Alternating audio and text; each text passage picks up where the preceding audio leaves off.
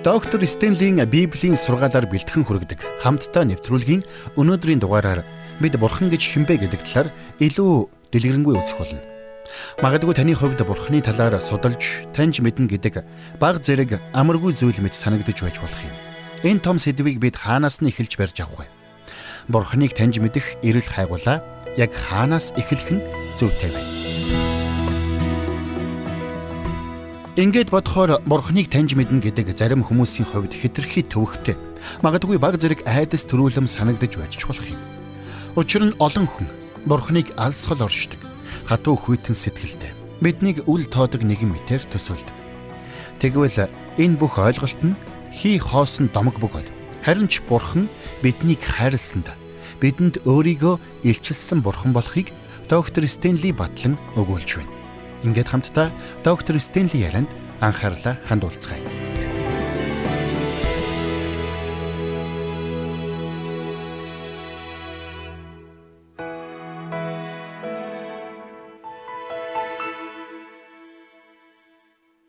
Хүмүүс ихэвчлэн бурхны талаар маш буруу ойлголттой явдаг.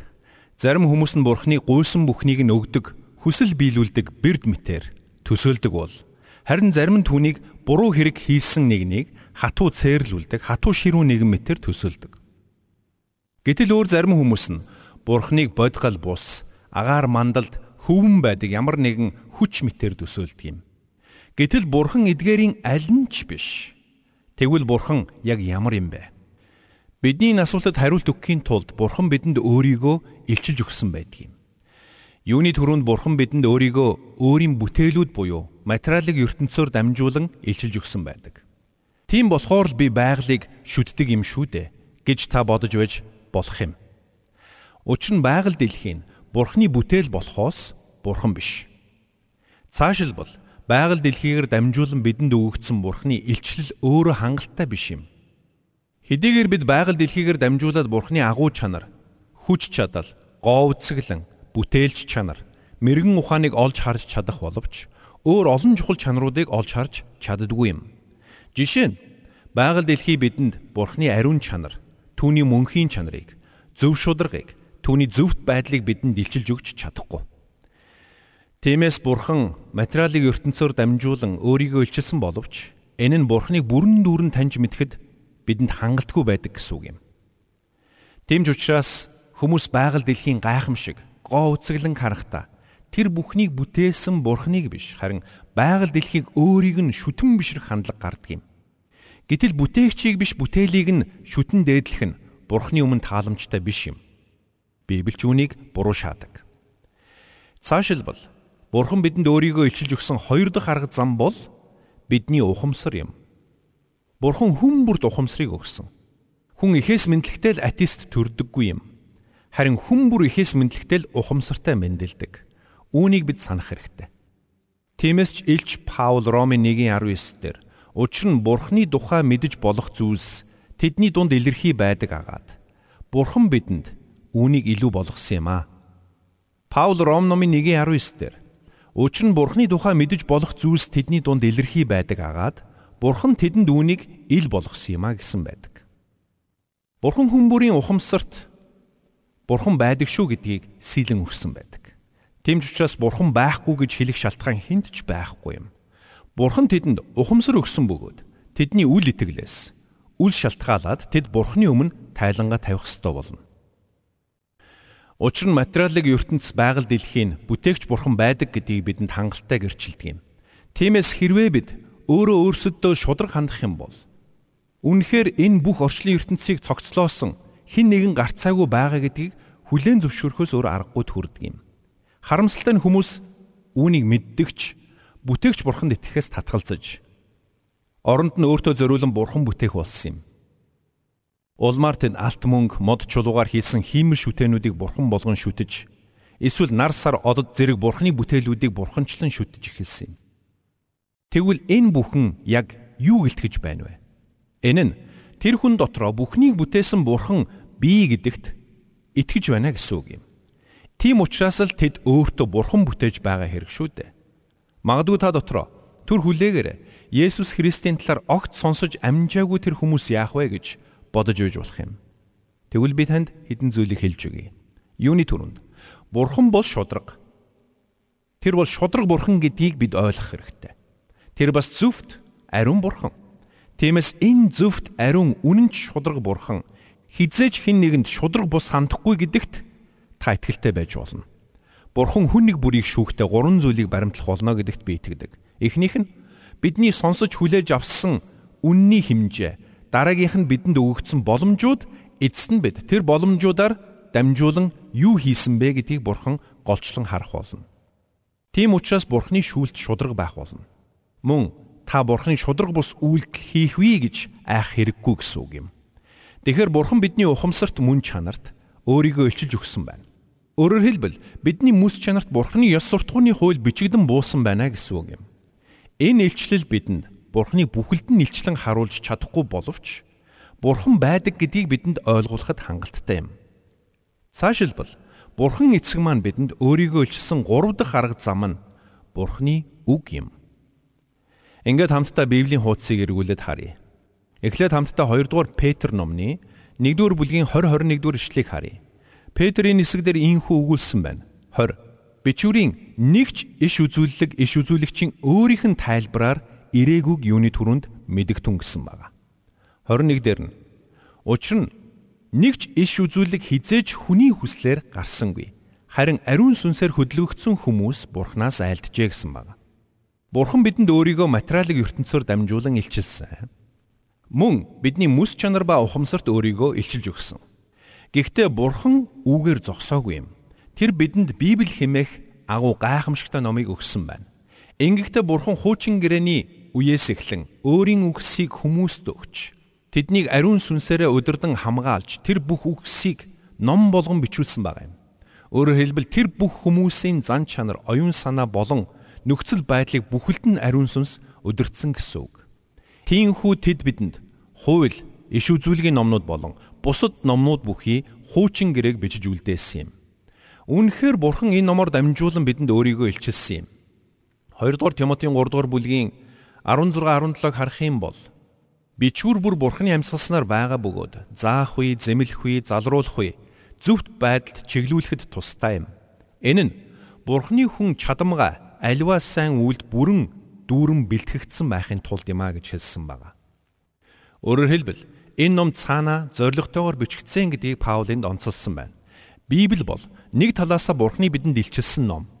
Нөгөө талаас бидэнд бурхны өдөрдмж зааврыг дамжуулж өгсөн ном юм. Тиймээс та эндээс нэг зүйлийг бодосоо гэж би хүсэж байна.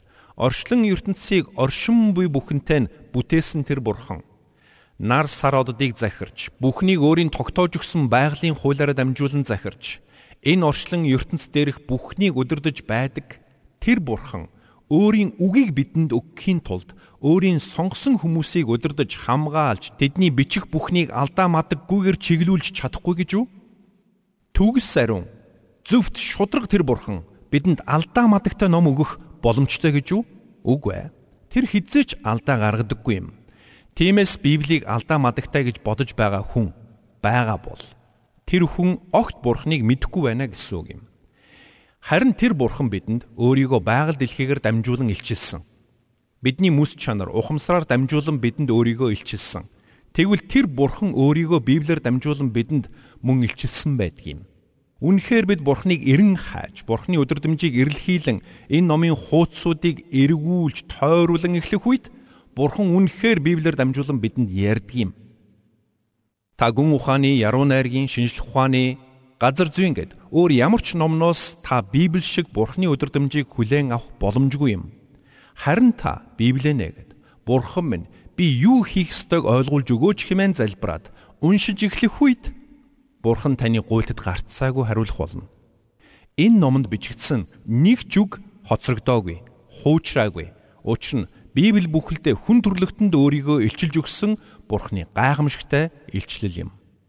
Цаашилбал Бурхан бидэнд өөрийгөө илчилсэн дөрөв дэх арга зам нь Бурханы амьд үг буюу Есүс Христ өөрөө юм.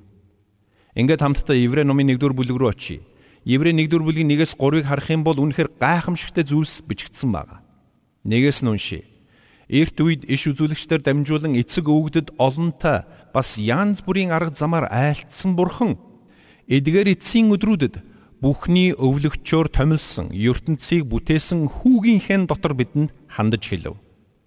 Түүний цог жавхлангийн гэгэ түүний мөн чанарын бодит илрэл ба эрх мэдлийнх нь үгээр бүхнийг хүү барьдаг болоо. Тэр нүглийн ариусгалыг гүйцэтгээд өндөрт байгч сүр жавхлантын баруун гар талд заларваа гэсэн байна. Мөн цааш нь хамтдаа Колосе номын 1-р бүлгийг гаргаад харъя. 1:15 дээр энд илч Паул Есүс Христийг Бурхны мөн чанарыг байгаагаар нь төлөөлөгч нэгэн хэмээн тунхагласан байгаа юм. Колосе 1:15-ыг уншъя.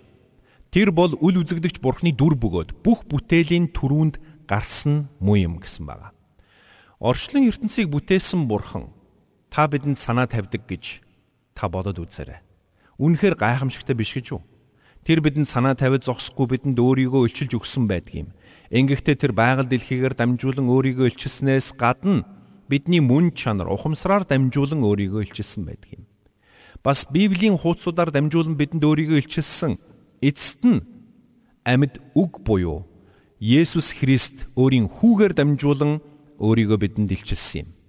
Тэгвэл энэ цагт би таны анхаарлыг Библийн гурван ишлэлээр хандуулахыг хүсэж байна. Ингээд хамтдаа эхлээд Иоханы 1-р бүлгийг гаргаад харъя.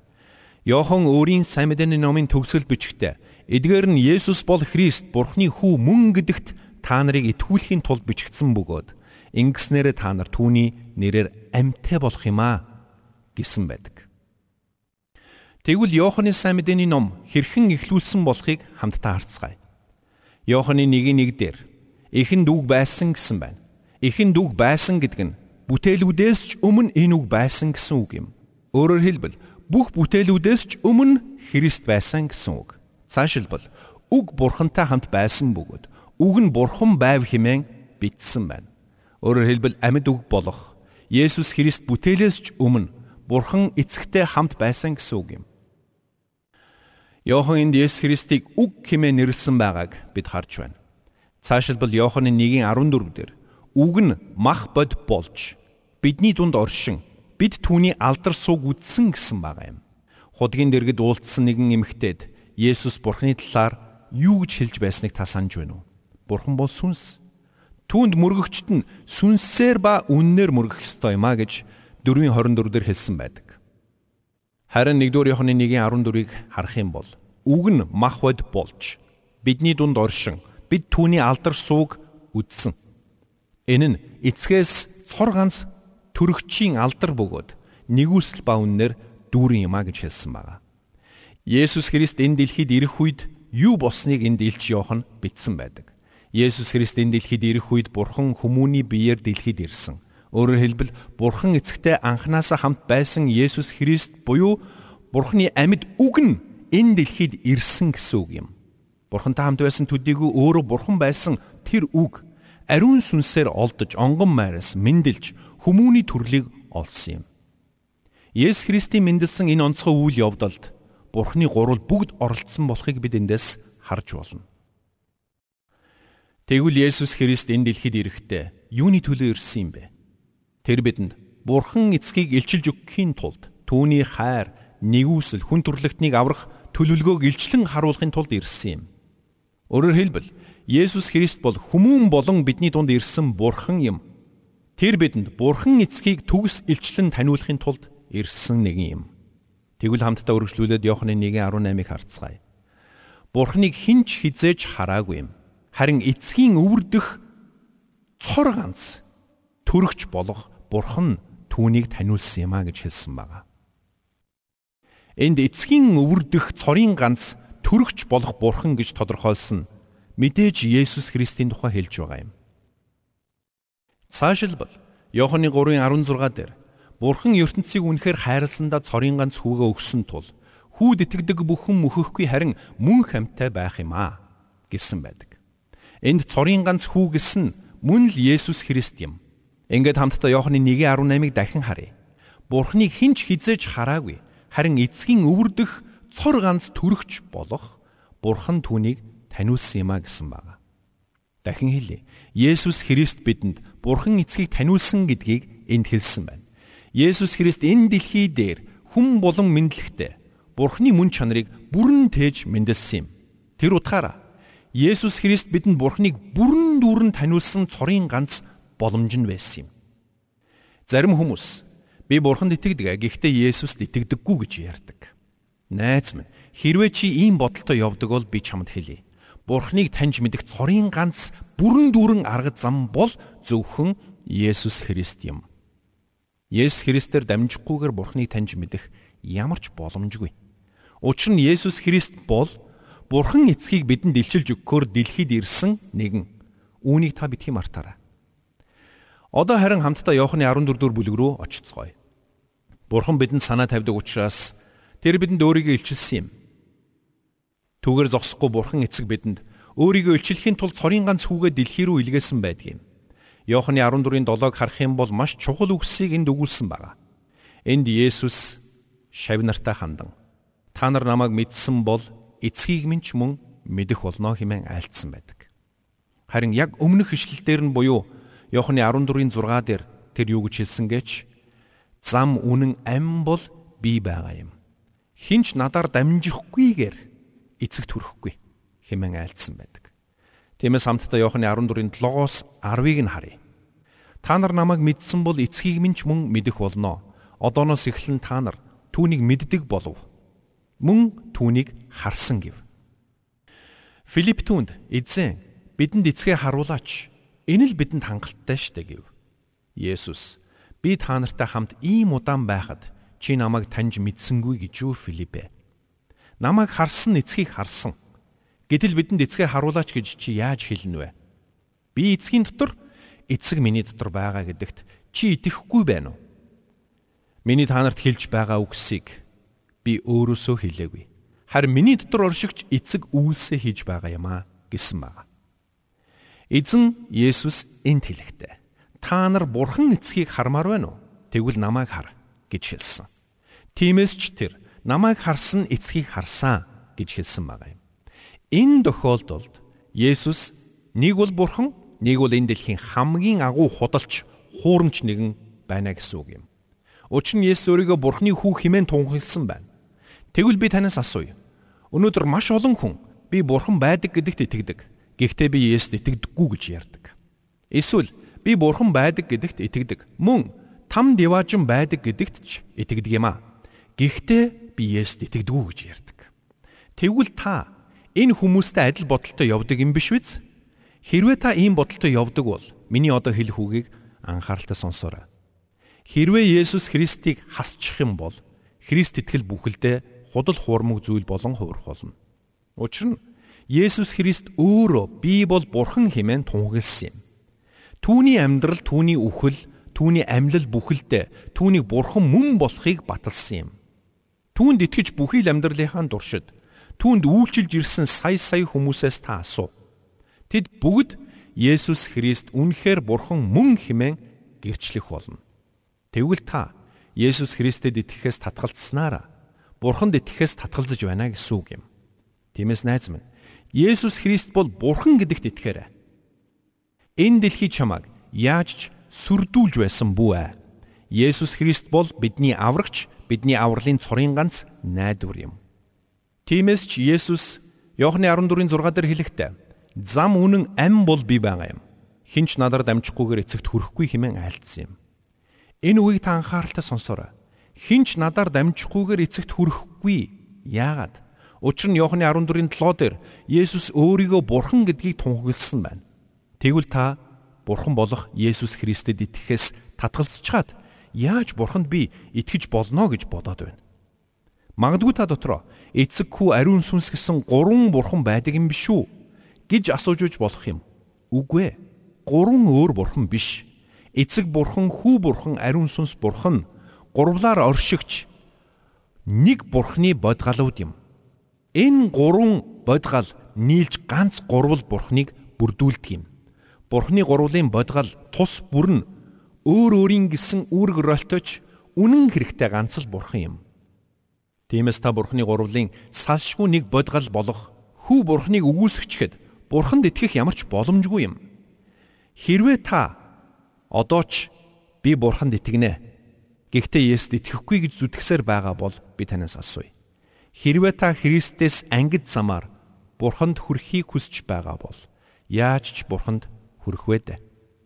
Бурхан бол зөвхт, ариун, төгс шудраг Бурхан. Тэгвэл тэр авуу Бурханд та Есүс Христэс ангид замаар яаж хүрэх юм бэ? Сайн хүн байвал Бурханд хүрч болно гэж та бодож байна уу? Тэгвэл би асууя. Та хэр сайн бэ?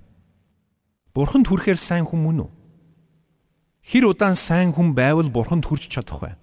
Та өөрийгөө бурханд хүлээн зөвшөөрөгдөх үйс хангалттай сайн болсон гэдгээ та яаж мэдэх вэ? Үнэн дээр та эдгээр асуултуудад итгэлтэйгээр хариулж чадахгүй. Учир нь хинч энэ асуултуудад итгэлтэйгээр хариулж чаддаггүй юм. Эсвэл таныг бурханы өмнө очих цагт бурхан таны хийсэн сайн болон муу үсийг жинлүүр дээр жигнээд сайн давмгаалж байвал деважинд оруулна гэж бодож байна уу?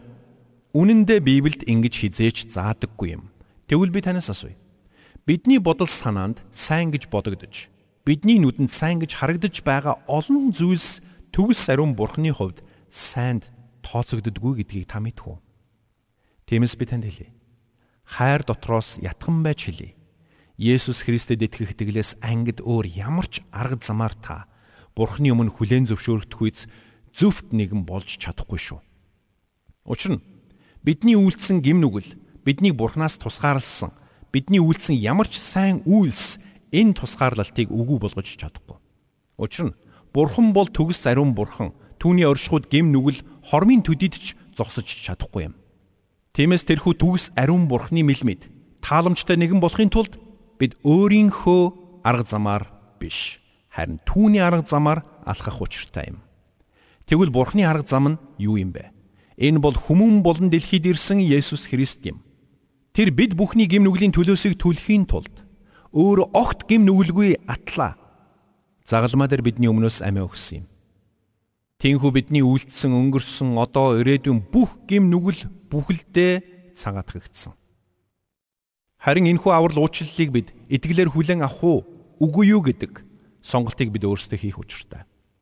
Тиймээс хэрвээ та түүний өмнө очиод эзэн Есүсээ Би таныг аврагч эзнээ болгон хүлээн авч байна. Би таны өмнө бүх гим нүглээ улаач та миний гим нүглийг бүгдийг нь загалмаа дээр урсгасан цусаараа цагаатгсан гэдэгт итгэж байна хэмээн залбирх юм бол тэрхэн мөчөд та Бурхны хүүхэд болж Бурхнаас мөнхийн амийн бэлгийг хүлээн авах болно.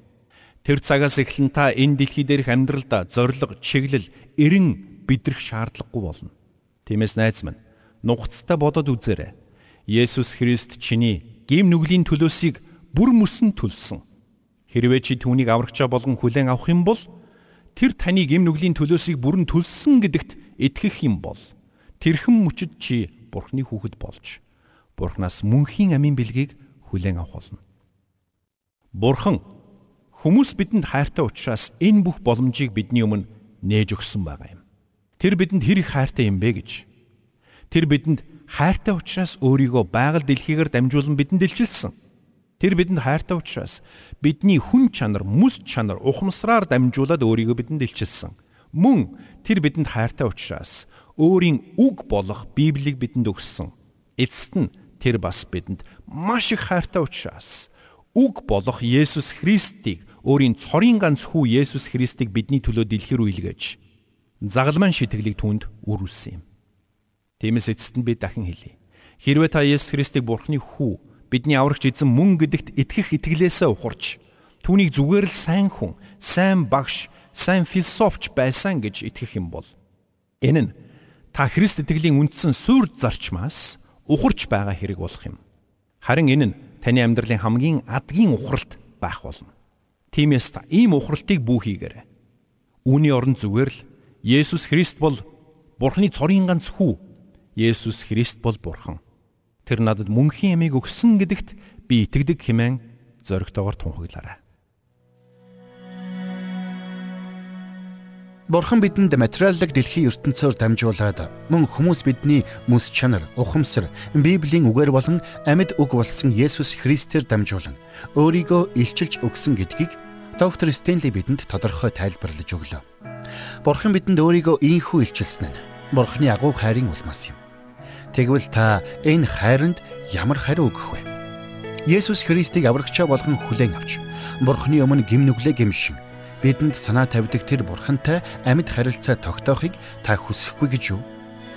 Ром 1-р бүлэгт хэлэхдээ Үннийг зүй бусаар нуун дарагч хүмүүсийн альва итгэл сүсэггүйдэл ба зүй бусын эсрэг бурхны уур хилэн тэнгэрээс илчлэгддэг. Учир нь бурхны тухай мэдэж болох зүйл тэдний дунд илэрхий байдаг хаад бурхан тэдэнд үүнийг ил болгосон юм. ертөнц бүтээгдснээс хойш түүний үл үзэгдэх чанарууд, түүний мөнх хүч ба бурхан чанар нь бүтээгдсэн зүйлсээр дамжиж ойлгогдож, илэрхий харагдаж байгаа тул тэдэнд шалтгаан байхгүй гэсэн байдаг. Бурхан хүн төрлөختөнд өөрийгөө илчилж өгсөн гэдэг нь энэ ишлэлээс тодорхой харагдаж байна. Тиймээс хэрвээ та хараахан Христэд итгээгүй байгаа бол даруугаар Бурханыг эрен хайгаарай. Тэгвэл тэр танд өөрийн үннийг гарцаагүй илчлэх болно.